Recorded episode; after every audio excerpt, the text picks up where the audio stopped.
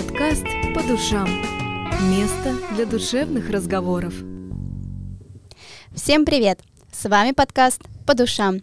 С вами, как всегда, ведущие Арина Дмитриева и Нина Брянцева. Всем привет! И сегодня в нашей студии уже постоянный наш гость, психолог Никита Григорьев, а, который сегодня расскажет, нормально ли это раздражаться или испытывать агрессию, и как управлять своим гневом, и можно ли запрещать себе все эти эмоции. Привет, Никита. Привет. В прошлом подкасте мы с тобой немного затронули тему в целом агрессии, а, и ты сказал такую вещь, что в целом почти в каждом или в каждом человеке присутствует какая-то агрессия, потому что это необходимо для выживания, как я так поняла. Так и есть, да. Вот. Так откуда же она все-таки берется? Ну, человек с ней рождается, или он все-таки больше приобретает ее? Давай найдем вот эту точку, откуда она пришла к нам. Ну, первую, в первую очередь мы биологический организм. Uh-huh. И у нас есть всякие ну, механизмы, там, не знаю, мышцы, кости, органы uh-huh. и так далее, в том числе мозг. И в нас встроены все вот эти вот эволюционные настройки. Если нам нужна вода, наш организм посылает нам чувства, и мы прям понимаем жажда. Хочется там попить или поесть, или там, в туалет сходить. Вот. Точно так же есть э, психологические потребности. Мы точно так же плохо чувствуем себя, когда они не удовлетворены, и точно так же хорошо чувствуем себя, когда они удовлетворены. Э, опять же, у всех разные. Кому-то нужно больше тактильного контакта, кому-то нужно поговорить, кому-то нужно побыть одному, все вот это вот. А, они у нас сформировались в течение эволюции, мы выживали именно, выжив, я, я точнее скажу так, выживали те, у кого это работало, mm-hmm. поэтому это осталось у нас. Mm-hmm. А наша общая проблема в том, что мы оказались вдруг внезапно в этом 21 веке, где есть цивилизация, и нам эти наши преднастройки биологические, психологические, они скорее мешают. Угу. Вот. И одна из них это, конечно же, агрессия. Потому что если представить мир, в котором мы жили, это ну, как сообщество, до этого там какой-то ну, дикий лес, каменный, этот век джунглей и так далее. А не только человек, но в принципе любое млекопитающее без агрессии обречено. Они там не выживут. Угу. Причем, скорее всего, не от каких-то хищников, а от своих же сородичей. Угу. То есть, если взять статистику тех же самых, ну, вот наблюдают за шимпанзе, там, макаками, за обезьянами, э, там чуть ли не больше половины смертей именно от рук э, сородичей. Они все друг друга там мочат. Если под руку там как-то попался не так, он же прав этих человек или кого, mm приматов там нет у них. Mm-hmm. Вот. И где это все хранится? Это хранится у нас в мозгу. У нас есть определенные нейронные сети, нейронные цепи, механизмы, которые включают эту агрессию. Вот как всегда говорю, собака на меня бежит, я что, специально думаю, так, мне бы надо сейчас испугаться. Нет, у меня это все автоматически uh-huh. происходит. Как и чувство боли, чувство голода, все вот это вот. А, точно так же, а, когда происходят какие-то ситуации, если очень обобщить, когда наши какие-то потребности не удовлетворены. Мы на что-то рассчитывали, а оно оказалось не так. Или мы старались для человека, а он нам говорит спасибо, а мы рассчитывали, что там спасибо на хлеб не, на, не, на, не ну намажешь. И в карман не положишь. И а, дети, например, вот они прямо рут, когда что-то не получают. Есть такой термин в английском языке conditioning, ну как воспитание. То есть родители им сразу же говорят, что хорошие дети так себя не ведут.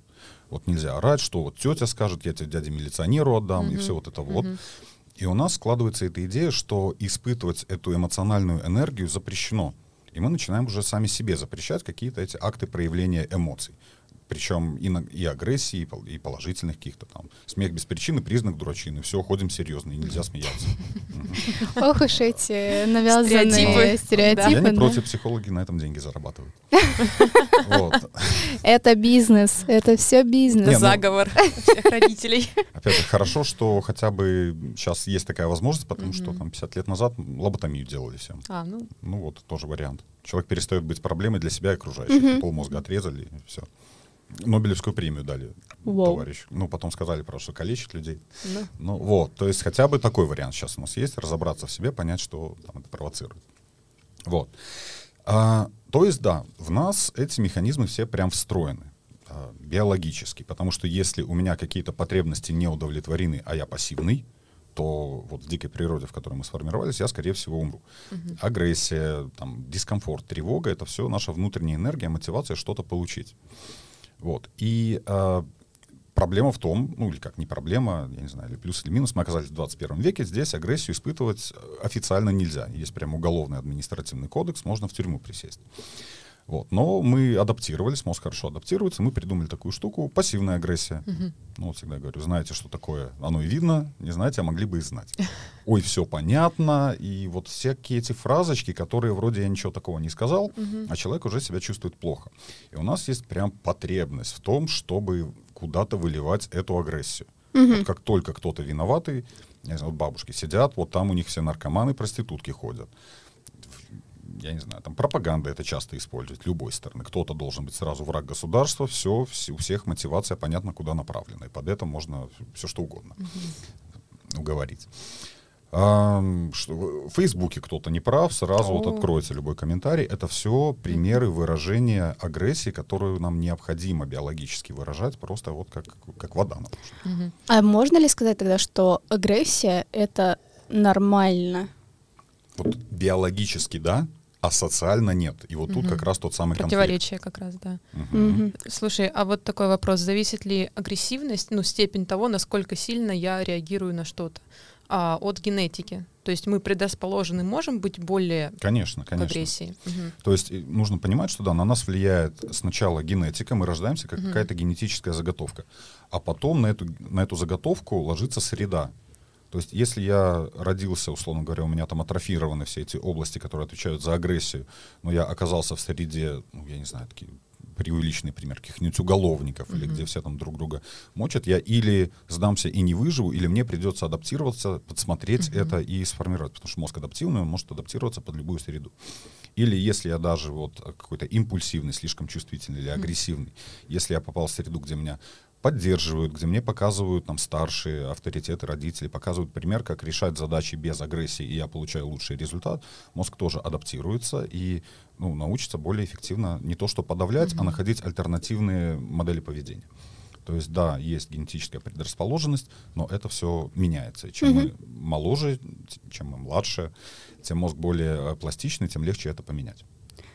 Но смотри, а, мы говорим о том, что человек а, изначально может быть более или менее а, предрасположен к агрессивности. А какие могут быть причины обострения, то есть вот этой вот э, агрессии, которая заложена изначально как зернышко в человека, оно либо разрастется, либо оно так и останется вот этим маленьким, и оно в целом не будет мешать. Какие вот причины Ну да, могут... то есть ты уже сказал, там, уголовники какие-то, это Да. крайность, а что-то Да, я, конечно, не такая крайность, да. Как- А, На самом деле очень хороший вопрос, потому что а, часто с этим приходится иметь дело именно в практике. Ам, Всегда привожу тоже такой некрасивый пример, но очень понятный. Если мы вдруг запретим людям ходить в туалет, они, конечно, какое-то время будут терпеть, потом Мгм. начнут происходить инциденты неприятные. организм сам сделает, что ему нужно.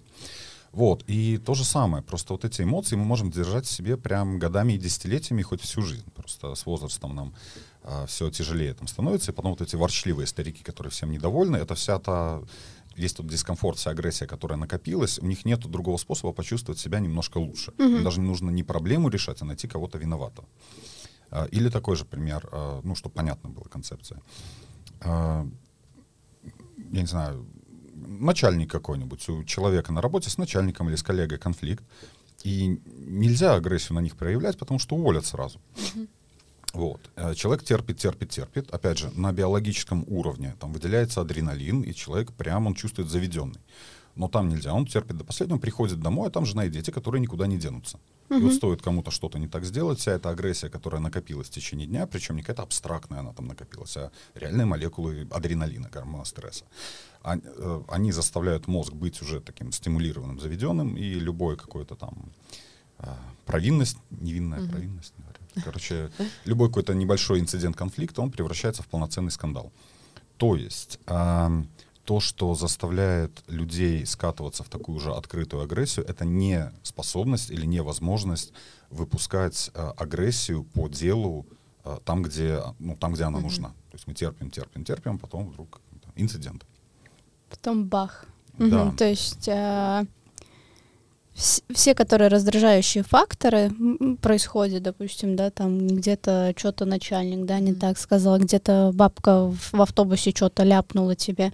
То есть это все происходит так, что это все накапливается, Да, и потом быть. происходит бум.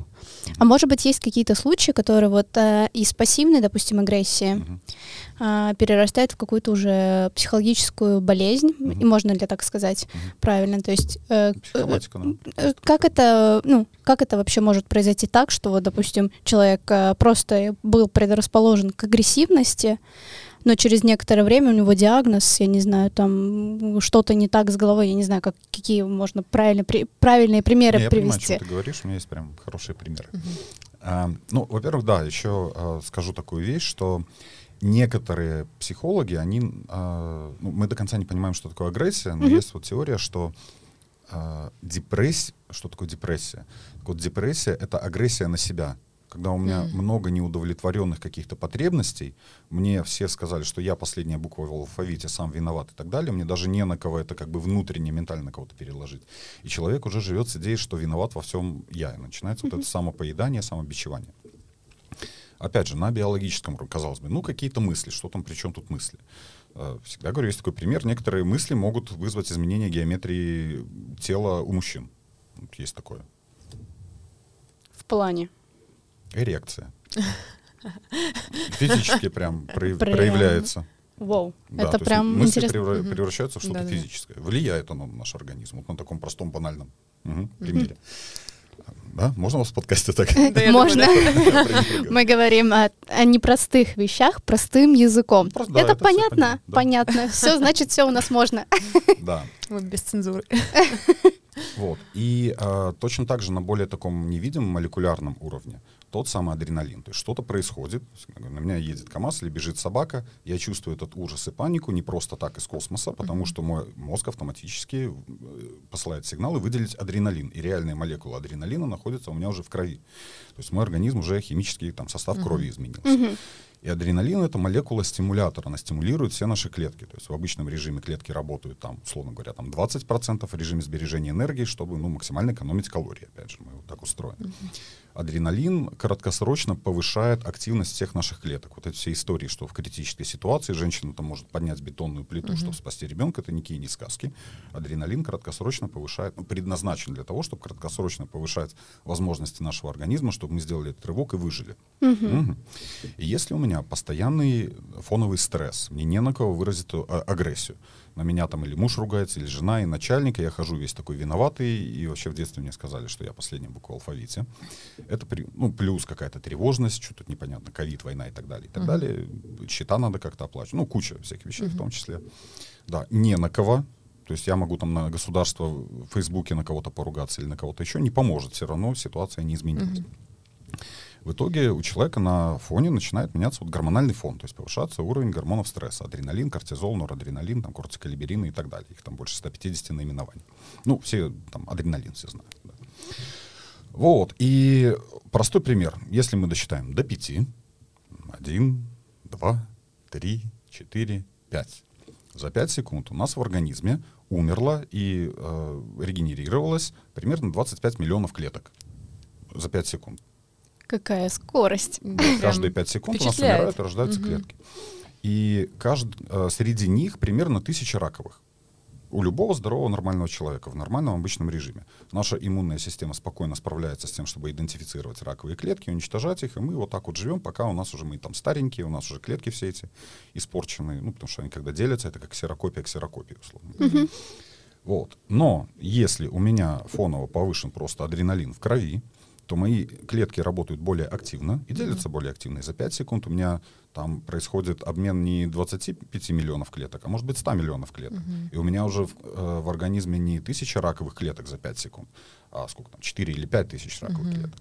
И с этим тоже можно жить. Наша иммунная система как-то справляется. Но какой-то дополнительный стресс, банально простуда, какое-то заболевание, что-то еще дополнительная нагрузка на организм уже физиологически, организм может не, не выдержать, а может не хватить ресурсов, и тут у нас начинают обнаруживать какие-то болячки. Причем это не обязательно, ну, опять же, вот онко- онкология, вот он пример, психосоматика как э, механизм развития онкологии из-за постоянного стресса. Это не обязательно онкология, там всякие инсульты и синдром тревожного желудка, потому что одна из реакций адреналина, он выделяет желудочный сок и все вот эти как там, а, язвы желудка, гастриты, они часто бывают вызваны именно побочным стрессом, причем часто прям у молодых людей. Так что связь прямая, просто она находится у нас под капотом, мы ее не видим. Мгм. Многие, вот меня удивляет, что до сих пор многие так относятся. Какое там выгорание, депрессия, там что-то еще, психосоматика, вы там напридумывали.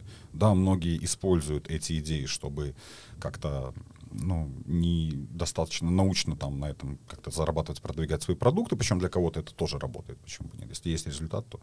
Но связь, на самом деле, она прям есть, и наконец-то в 21 веке мы эти связи прям видим. Ну Да, и у нас Стресс. есть понимание, куда вообще двигаться и что с этим делать. Ну, есть хотя бы, да, там информации Мгм. много бесплатной, вот мы в подкасты ведем. То есть стресс равно адреналин, адреналин равно повышенный износ организма. Повышенный износ э, организма, э, вы можете жить там хоть 10 лет в таком режиме, но какой-то дополнительный стресс в связи с обстоятельствами, и м, добро пожаловать, приехали. Слушай, я так понимаю, это у нас были сейчас последствия подавленной агрессии, когда мы ее не выплескивали сразу. Или... В том числе, Мгм. то есть э, реализация агрессии — это Мгм. одна из наших потребностей. Если я не удовлетворяю какую-то свою физическую или психологическую потребность, не обязательно агрессию, кому-то, опять же, там, тактильность, или Мгм. побыть в одиночестве, или там отдохнуть, или получить какой-то результат, или эмоции, или восхищение, что-то еще. Когда мы этого не получаем, точно так же, как организм без воды, он начнет страдать, без еды там начнут механизмы ломаться. Точно так же наш мозг входит в особые, как emergency, как-то по-русски сказать, кризисные режимы Мгм. работы, и это истощает наш организм как на психологическом, так и на физиологическом уровне. Мгм. Вот. Не- агрессия в том числе. То есть, когда мы чего-то не получаем, у нас включается агрессия, чтобы мы это вырубили, вырвали, получили. Когда агрессию испытывать нельзя, мы ни там, ни там, ни там не получили. В итоге еще есть такой термин выученная беспомощность. Когда что бы я ни делал, результата нету, и мозг вообще сворачивает всю деятельность. Вот человек сидит и говорит, я ничего не хочу, в стену сижу буквально. Мгм. Прям такой механизм у нас есть. А что с этим делать? Ведь нельзя же так просто щелкнуть пальцем, сказать себе, я не буду так делать, надо. С чем? Ну вот, допустим, э, с такой вот апатией, когда ты не можешь ничего Но это сделать. уже чувствуешь- симптомы, это уже поздно. Там уже надо А. некоторые антидепрессанты им прям прописывают. А, если они говорят, не хочу антидепрессант, ну, вот если я ногу сломал, не хочу гипс. Ну, так потом мне уже операцию, может, придется делать. И, опять же, Финляндия, Эстония, северные страны, прям по суицидам, они на первых местах. Э, На это там ну, много разных причин, но в том числе тут довольно как закрытые люди, мало общения, и, а мы люди социальные, и многим этого прям не хватает. Ко мне Мгм. приходят клиенты, у них все в порядке в жизни, им не с кем общаться Мгм. прям проблема, где мне людей найти. И вот если раньше, 200 лет назад, проблема была дожить до вечера, чтобы пережить зиму, чтобы там дети не умерли, то сейчас, в 21 веке, когда все вопросы выживания у нас удовлетворены, проблема найти людей, с которыми мы удовлетворяем свои социальные потребности, чувствуем себя хорошо. Или я могу даже там поругаться, эм, реализовать свои негативные эмоции, и меня примут с этими эмоциями. Потому что стоит нам где-то повысить голос, что-то так со мной общаешься, и погнали, мы уже там спорим насчет того, как мы общаемся. Так. А какие есть способы бороться именно с агрессией? Мы, по-моему, в прошлой, ну, именно для того, чтобы а, предотвратить а, глубокую стадию. То есть я бы так сказала, помимо вот спорта, да, то, что мы в прошлом подкасте тоже затрагивали, что спорт помогает бороться не только с агрессией, но и с депрессией. То есть э, что еще, что может человек предпринять для того, чтобы не оказаться плохой ситуации? А, Когда я учился, мой учитель говорил очень хорошую такую, она мне запомнилась, фразу метафорическую. Нужно отнести камни тем, кому они принадлежат. А, Что это значит? Опять же, я сейчас сразу оговорюсь, а, модно сейчас обвинять родителей. Иногда мы сердимся на родителей. Причем всегда говорю, что как бы я ни старался, моему ребенку будет что рассказать психологу, когда он вырастет. Невозможно быть идеальным родителем. Вот, мы, кстати, на прошлом Да, э, подкасте, да, у нас был гость, тоже детский психолог, и она вот сказала точно такую же фразу, что психологу, э, вашему ребенку всегда будет что рассказать психологу. Абсолютно. Да, не абсолютно. пытайтесь быть идеальным. Поэтому тоже не нужно вот это все воспринимать, что ой, мы там старались, тоже вызывает вот эту агрессию. Я же там вложил там в ребенка это все, а тут он Неблагодарный. неблагодарный, да. такой. Это нормально, что дети чем-то недовольны, что мы чем-то недовольны. И некоторые вещи, которые происходят в жизни, в этом прямо, можно сказать, виноваты наши родители, но не наши родители, а их родители, которые их Да. так воспитали, и тех родителей, и тех. То есть, будем искать виноватых, дойдем до динозавров и Адама с Евой. Вопрос не в том, вопрос не в том кто виноват, а что с этим делать. Да. Вот. И э, тоже мы с клиентами, когда общаемся, иногда дело доходит до того, что люди понимают, что они живут вот по каким-то жизненным установкам, которые им внушили, они уже, это влияет на их жизнь, может, родители уже, они даже, может быть, ну, нету их с нами, умерли родители, а там все еще голос мамы, что ты же девочка, ты же мальчик, там что-то еще. Mm-hmm. Человек ходит, сам себя обвиняет. И, вот. И когда э, мы пытаемся как-то более эмоционально посмотреть на это, поискать вот эти чувства, я это называю нащупать в себе эту агрессию. Там прям такое мощное сопротивление. Это же мама, вот как же так? Мы даже вот подумать не можем плохо об этом mm-hmm. человеке там, светлая память и все. Мне рассказывают клиенты про золотых идеальных родителей, которые там этим детям пряжки, от, эти синяки в форме пряжки от солдатского ремня оставляли, и вот идеальное детство у меня было. Ну, окей. Угу. Ну, мозгу наплевать. То есть, если там э, глубоко сидят вот эти э, незавершенные обиды, сверху приплюснутые идеи, что я не имею права сердиться, потому что если я попробую сказать хоть слово, меня быстро на место поставят, это превращается в постоянный внутренний конфликт. Вот, то есть, э, опять же, если не копать, есть разные техники, есть там и гипнотерапия, и там и когнитивно-поведенческая, и все вот это вот. Когда человек в принципе об этом говорит, иногда приходят инсайты, блин, оно ж вот так вот. Mm. Вот, но идея в том, чтобы не закрывать глаза на свою агрессию. Mm-hmm. Понимать, что она у меня есть, и это нормально. Потому что многие, бо... опять же, некоторые психологи, там Юнг был такой товарищ, он называл это тень у нас есть вот эта темная сторона, на которую нам очень не нравится смотреть. Мы все mm-hmm. хотим быть хорошими, и мы отказываемся в себе это видеть. Оно из нас уже лезет во все стороны, а мы такие, нет, я там закрыл глаза, как бы ничего нет. Mm-hmm. Вот. А, то есть идея в том, чтобы в первую очередь в себе это идентифицировать. Что-то меня бесит, что-то меня раздражает. И волшебное слово «мама», «дети», «любовь» они не помогают. Mm-hmm. Могут раздражать дети, может раздражать и мама, и папа, и родной человек разводятся люди, потому что не, не имеют внутреннего права сказать своему партнеру и своим детям, мне нужно отдохнуть. Угу. И вы доводите до такого состояния, что потом уже они просто функционировать не могут ни на работе, нигде, и тоже агрессия на себя угу. и все вытекающее. То есть понимать, что агрессия, понимать про себя, что агрессия это нормально, идентифицировать ее в себе, это первый вот этот этап. Угу. Прежде чем поднять 200 килограмм, нужно поднять 10 килограмм понять, что во мне это есть, и это нормально.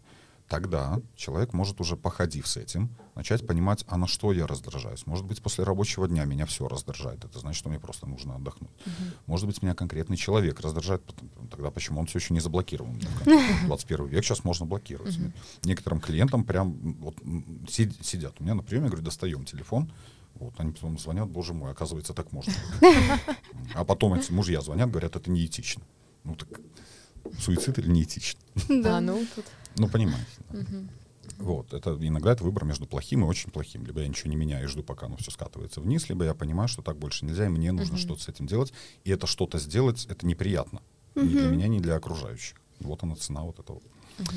Вот. То есть, если, опять же, слишком глубоко не копать, сказать по-простому, для начала понять, что агрессия в нас есть, это нормально. Если мы чувствуем агрессию, мы неплохие, это позволяет нам спокойнее посмотреть на свои чувства и более рационально э, как бы оглянуться и посмотреть, а как я могу это более рационально выразить. Угу. Какие, потому что если я терплю и не даю себе заметить, что у меня есть агрессия, потом мой мозг за меня включит такую агрессию, что я уже не смогу контролировать. Угу. Если мы замечаем это заранее, у нас есть возможность как-то дернуть на это, за этот стоп-кран и придумать, продумать, как я покажу, что я недоволен. Угу. Слушай, а если вот наоборот, вот я очень-очень долго скрывала это все, например, или кто-то еще, и вот тот момент кто настал, еще? кто-то еще, ну, например, okay. этот момент настал, когда mm-hmm. я уже не могу это делать, скрывать ее, и mm-hmm. я вот раздражаюсь, и у меня этот поток идет, я на всех срываюсь совершенно и посуда на всех. уже дома Да, летит. и посуда летит, и вроде бы как ты выражаешь агрессию, вроде бы как она у тебя не копится, но с другой стороны это как-то уже и не совсем нормально. Нет, в плане для того, поздно. что ну, да, как да, бы да. это уже, мне кажется, опасно для других ну, окружающих да, тебя там людей. кинул тарелку и в кого-то попал. Опять же, это уже симптомы. Угу. То есть, да, с симптомами можно что-то делать, можно пойти к Санекс попросить у угу. доктора. В Телеграме сейчас продают. Вот, но... Это а, не реклама. Нет, это все вредно, да. Это даже по, по рецепту это вредит мозгу. Нельзя употреблять препараты. Нельзя. Вот. А, это уже последствия. Uh-huh. То есть, ну, ты сама говоришь, что я вот терпела, терпела, вот на том этапе надо было уже делать. То есть, uh-huh. если я уже ногу сломал, мне уже о причинах поздно думать, мне нужно лечить симптомы. Или такая же метафора, сорняки выросли, можно листики выдирать сколько угодно, до тех пор, пока корни в земле, после каждого дождя они будут вырастать. То есть Идея в том, если- чтобы найти корни. Ага, то есть если, если такая ситуация, то это только к к психологу разбираться и А, как-то. Психологи, задача психолога помочь человеку увидеть эти паттерны, Мгм. потому что вот тоже простой пример. Очень часто приходят женщины, которые прямо она уже разводится, недовольна мужем, все. Я спрашиваю, что вам нужно от мужа, она мне прям перечисляет. Мне нужно то, то, то и это. Она прям ее трясет. Мгм. Как вы его об этом просите? И тут такая минутная пауза, о чем догадаться не может. Плохие новости. Не может, не может он мысли читать. Экстрасенсы все в отпуске. Да. Вот, и для людей, во-первых, это шок, когда им вот эта логическая картинка очень простая открывается, а я же, блин, не просила. Мгм. Да, да, да. И тогда мы доходим до вот этих вот корней. Оказывается, мне сложно попросить, потому что в детстве, когда я просила маму, папу, меня посылали там нафиг. И этот паттерн остался, и я жду, пока меня спасут, спасаю всех, а потом обижаюсь, что меня не спасают. Вот. А, И ну, задача психолога помочь найти, исходя из этих симптомов, найти вот эти вот причины и придумать какие-то модели поведения, которые можно очень просто попробовать начать. Вот прям пишу, не просто вот вы говорите с мужем, пишу на бумажке вот в таких вот фразах домашнее задание прийти сказать. Я чувствую себя одинокой, меня нужно обнять, я не отпущу тебя, пока я это не получу. И у многих там прям трясет их потребовать от близкого человека то, что мне нужно. Потом, когда они увидели, что они так сделали, земля не налетела на небесную ось. Я И, даже почувствовал. оказывается, так просто можно решить Да, ситуацию. но потихонечку начинает превращаться уже в более привычную модель поведения, и человек понимает, что я имею право просить и требовать. Я имею право быть недовольным. Я имею право сказать, я устала, я пойду погуляю, это не значит, что я ухожу от тебя. Мы при- Я приду, и мы обнимемся. И для многих у них прям, да как так-то? Не знаю, там даже элементарно, мне кажется, но если мы говорим сейчас про отношения, элементарно попросить цветы, это же так, ну, просто напомнить мужчине. это уже да. не то, он сам должен был. Да нет, э, мужчина, Я- мне кажется, ну, в целом, э, в таком мире, когда 21 век, он загруженный, перегруженный Просто не информацией, подумает человек об этом. просто да. он забыл. Совершенно верно. Просто подойди ему, скажи, мила, а можно мне, пожалуйста, цветочек? Ну, один хотя бы. И Абсолютно. он тебе подарит не один цветочек, он тебе подарит миллион Да, алых роз. Инструкция им всем нужна, потому что да, мы думаем на разных Да. языках. Вот женщина говорит, он меня там в ресторан не сводил, он меня не любит. Так он по 12 часов работает на работе. Ему не нет до думает твоего ресторана, ресторан. он напомни работает, ему. потому что вот деньги я в семью несу. Он вот, ну, есть прям книжка, типа, там, «Пять языков любви». То Да, есть да, мы да, делаем да, да. разные вещи, и мы думаем, что так партнер же все понял. И не можем говорить, в итоге не можем просить, в итоге агрессия, в итоге что-то мы разводимся. Опять же, 21 век, Тиндер и вот.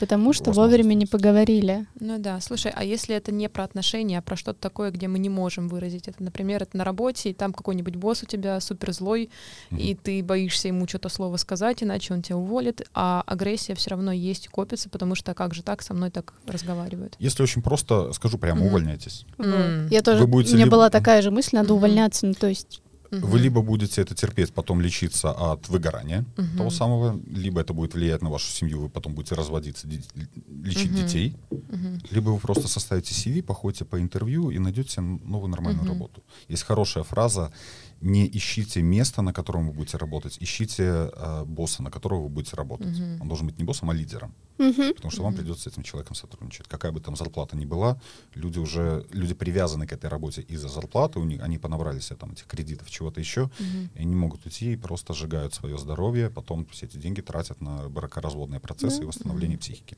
Мгм. Увольняться. То есть Ну, таких э, Это- зн- Ну, ну, методов, например, пойти в какую-нибудь краш-комнату, там Нет. покидать тарелки мгм. и делать это каждый день, это не выход. Можно подышать, Мгм. можно пописать, можно представить, что на вас опускается облако спокойствия. Это вам поможет временно. Мгм. Ко мне вот тоже одна женщина Мгм. приходит, говорит, сразу с порога, говорит, только никаких рыбок. Каких, каких рыбок? Говорит, я тут пришла к, к одному психологу, они мне там, представьте, что вы рыбка, ваши проблемки, пузырьки, очень мило. Но я потом прихожу, там тот же самый муж на диване, тот же самый начальник. Никаких такое. рыбок нет. Да. То есть пока она там сидела рыбкой и помогала, но проблема не решена. Мгм. То есть, да, есть куча техник, которые помогают в моменте. Пописать очень помогает, чтобы эту аг- агрессию как-то вот помочь мозгу замедлиться, Мгм. зафиксировать и, ну, и превратить это в какое-то более рациональное решение. Уволиться — это рациональное проявление агрессии. Я таким образом показываю, Мгм. что я с этим терпеть не буду, со мной так нельзя. Мгм. Просто если я не буду, если я не найду в себе смелость сделать это вот так вот, то я, меня там доведут, и я по офису буду бегать там и мониторы крошить. Ну да, мне кажется, что в целом работает, она состоит же из нескольких вещей, то есть помимо самого процесса работы есть коллеги, э, есть э, начальник, есть э, здание, в котором мы работаем. И если нас что-то раздражает, ну в целом то, что мы делаем, наша работа, она должна приносить нам удовольствие, и если... Не только материально. Почему? Да, и не только материально, да, она должна... Ты должен кайфовать от того, что ты делаешь. Время, когда нам надо было просто выживать, оно уже давно прошло. Нам надо сейчас научиться жить так, чтобы мы, когда уже придет наш час уйти с этого мира, мы были довольны тем, как мы это прожили. И если нас какой-то из этих факторов раздражает, и мы не можем, да, допустим, мы же не начальники, да, допустим, mm-hmm. уволить этого человека, который нас раздражает, и он высасывает все свои силы. И мы этого человека вряд ли сможем изменить, потому что им, ну, да. ну, как бы им плевать на то, что мы думаем. Я бы лучше не сказал, вот прям. Вот, ну, и как бы если что-то из этих факторов тебе мешает, и, ну, мешает быть э, рациональным, мешает быть адекватным, мешает э, быть спокойным и кайфовать не только от работы, а в целом от жизни, то зачем все это терпеть? То есть... mm Ну, то же самое, я думаю, и про отношения, и про много-много-много да, да, много да, вещей. Есть... Просто не терпеть, а искать то, что тебя не раздражает и не выводит на эти Научиться кайфовать от процесса, mm от, от своей жизни. Понять, что это моя ответственность, потому что многие по привычке ждут спасителя. Вот как так можно, я пойду жаловаться, пускай меня спасут. И, ну, не работает. Дайте мне спасательный круг. Да, спаситель отменяется. Идея в том, чтобы найти какие-то механизмы поведения, инструменты, чтобы оказаться в другом месте, где мне, моему мозгу комфортнее. Если нет, то угу. мозгу наплевать на объяснение. Угу. Как ногу я сломал, кости наплевать, что я гол еще не забил или что-то еще. Там все, мозг то же самое. Ну да, то есть угу. какие-то временные решения, не может быть, и есть, да, допустим, ты знаешь, что сейчас твой начальник, он работает, и в целом ты кайфуешь от работы, но вот начальник, он тебя бесит, ты знаешь, что он, ну, через две недели на его место придет другой человек, то тут, то есть можно две ну, недели. Тут ты можешь потерпеть, да. но если но ты понимаешь, что... Тут, то есть ты, ты как бы ничего не сделаешь с этим, угу. мне кажется, это, да, вот правильный совет — уволиться. Увольняться, не терпеть. Угу. Дайте себе время, дедлайн, я буду решать эту задачу до такого-то. С отношениями то же самое. Uh-huh. Мы прям с клиентами говорим про дедлайн. Нам нужно время, чтобы поменяться, донести свою идею, под... подождать, там будут изменения, не будут. Но если я не ставлю себе дедлайн, ни начальнику, ни партнеру, дедлайн себе, после того, как дедлайн прошел, я все еще там, я показываю, что со мной так можно. Если uh-huh. со мной так можно, со мной так будут обращаться. Uh-huh. Все. Это как жертва притягивает к себе агрессора. Ну да, ну, да, да. То есть ну, да, если это удобный человек, с ним так можно, то опять же, начальнику, коллегам и всем нужно, нужен кто-то удобный, кто никуда не денется, чтобы на них сливать свою агрессию. Такой замкнутый круг получается. Ну, и есть, да. В итоге мы сливаем на этого человека агрессию, он ее на себя проецирует, либо на своих родных и близких, там, а потом дети в садике кого-то другого бьют, те дети жалуются родителям, там мама на мужа кричит и погнали. Вот мир, в котором мы живем. И когда мы смотрим на это через призму агрессии, можно ужаснуться, насколько там, насколько много в нас этого всего есть. Mm-hmm. Вот. И повторюсь, самое важное не закрывать глаза, что, ой, это не про нас, мы тут все эти. Mm-hmm. Ангелы. Да. Ромашками какаем. Mm-hmm. Мы приматы. Мы выживали благодаря агрессии. Мы научились убивать, иначе убили бы нас. Слава mm-hmm. богу, 21 век как-то регулирует эти отношения, но наш мозг ищет постоянно виноватых. Нужно mm-hmm. учиться защищать себя от агрессии, идентифицировать свою агрессию, чтобы защищать родных и близких от нее. Mm-hmm. Знаешь, у меня сейчас такой вопрос. Ты сказал, что мы научились убивать, иначе бы убили бы нас. Мы живем в такое очень непростое время, Uh, вроде и пережили недавно, да, как бы наш мир, наше прошлое поколение не пережили войну. А, и мы снова столкнулись с войной, ужасной, жестокой. А, возможно ли вообще от агрессии кайфовать? И кайфует ли кто-то от войны? Um, ну, вот опять же, наш мозг, хорошо, можно ли кайфовать от калорий?